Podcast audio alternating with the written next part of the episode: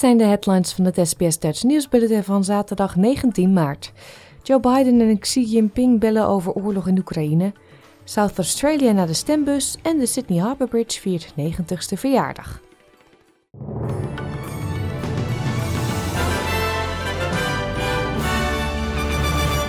Er vallen nog steeds burgerdoden in Oekraïne door Russische aanvallen in belangrijke steden. De oorlog is naar het westen verplaatst met een luchtaanval in de buurt van de stad Lviv, waar een onderhoudsfaciliteit voor vliegtuigen getroffen werd. In het centrum van Mariupol zijn naar verluid 130 mensen gered uit de kelder van een gebombardeerd theater. Duizenden mensen zitten nog vast in de zuidelijke havenstad nadat meerdere evacuatiepogingen zijn mislukt. Er is een groot tekort aan eerste levensbehoeften. In de hoofdstad Kiev zijn een dode en vier gewonden gevallen nadat een Russische raket neerkwam op een wooncomplex. De Oekraïense president Volodymyr Zelensky heeft westerse landen opgeroepen om meer wapens naar Oekraïne te sturen. We are shooting down Russian missiles as much as we can. We are destroying their planes and helicopters. And this, despite the fact that we do not yet have the adequate anti missile weapons, advanced weapons. We do not have enough combat aircrafts. But we have a goal pure and fair. We will remind some Western leaders, even louder, that this will be a moral defeat for them. It will destroy their prestige if Ukraine does not receive advanced weapons that will really save the lives of thousands of our people. De Oekraïense minister van Binnenlandse Zaken, Denis Monastirsky, zegt dat hij een deal met Rusland steunt om de oorlog te beëindigen, maar alleen als de Russische troepen zich terugtrekken. Я особисто підтримую закінчення війни. I personally support ending the war and pushing back Russian troops to the positions where they started the war on February 24 this year. That's my personal position as a citizen and also as a politician responsible for internal security.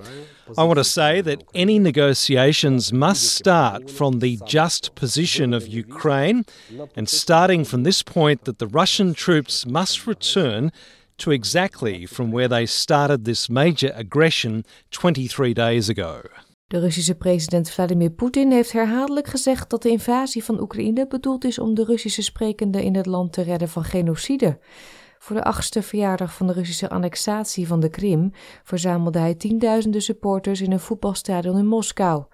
President Poetin prees het Russische leger voor zijn optreden in Oekraïne. Вы знаете, мне приходят в голову слова из священного писания.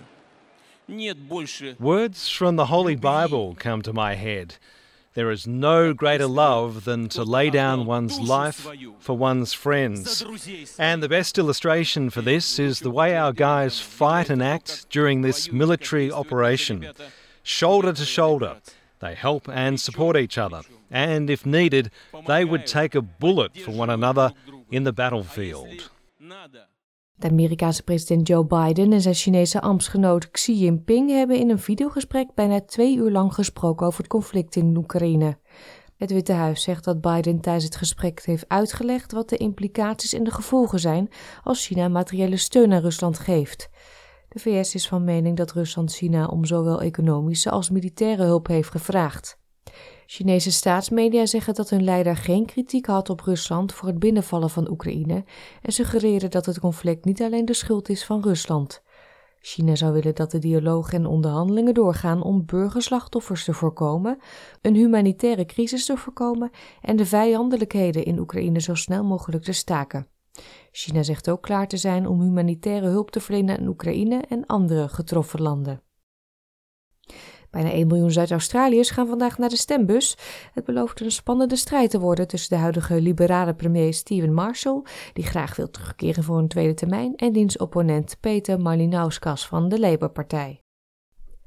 In Sydney kan men vandaag genieten van gratis concerten, pop-up kunstgalerijen en een spectaculaire lichtshow. Allemaal ter ere van het 90-jarige jubileum van de Sydney Harbour Bridge.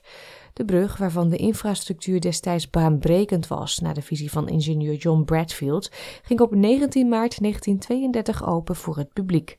Het kreeg al snel de bijnaam de Iron Lung omdat het de economie van de stad ondersteunde en het werk verschafte tijdens de grote economische depressie in de jaren 30. natuurlijk nog de weersverwachting.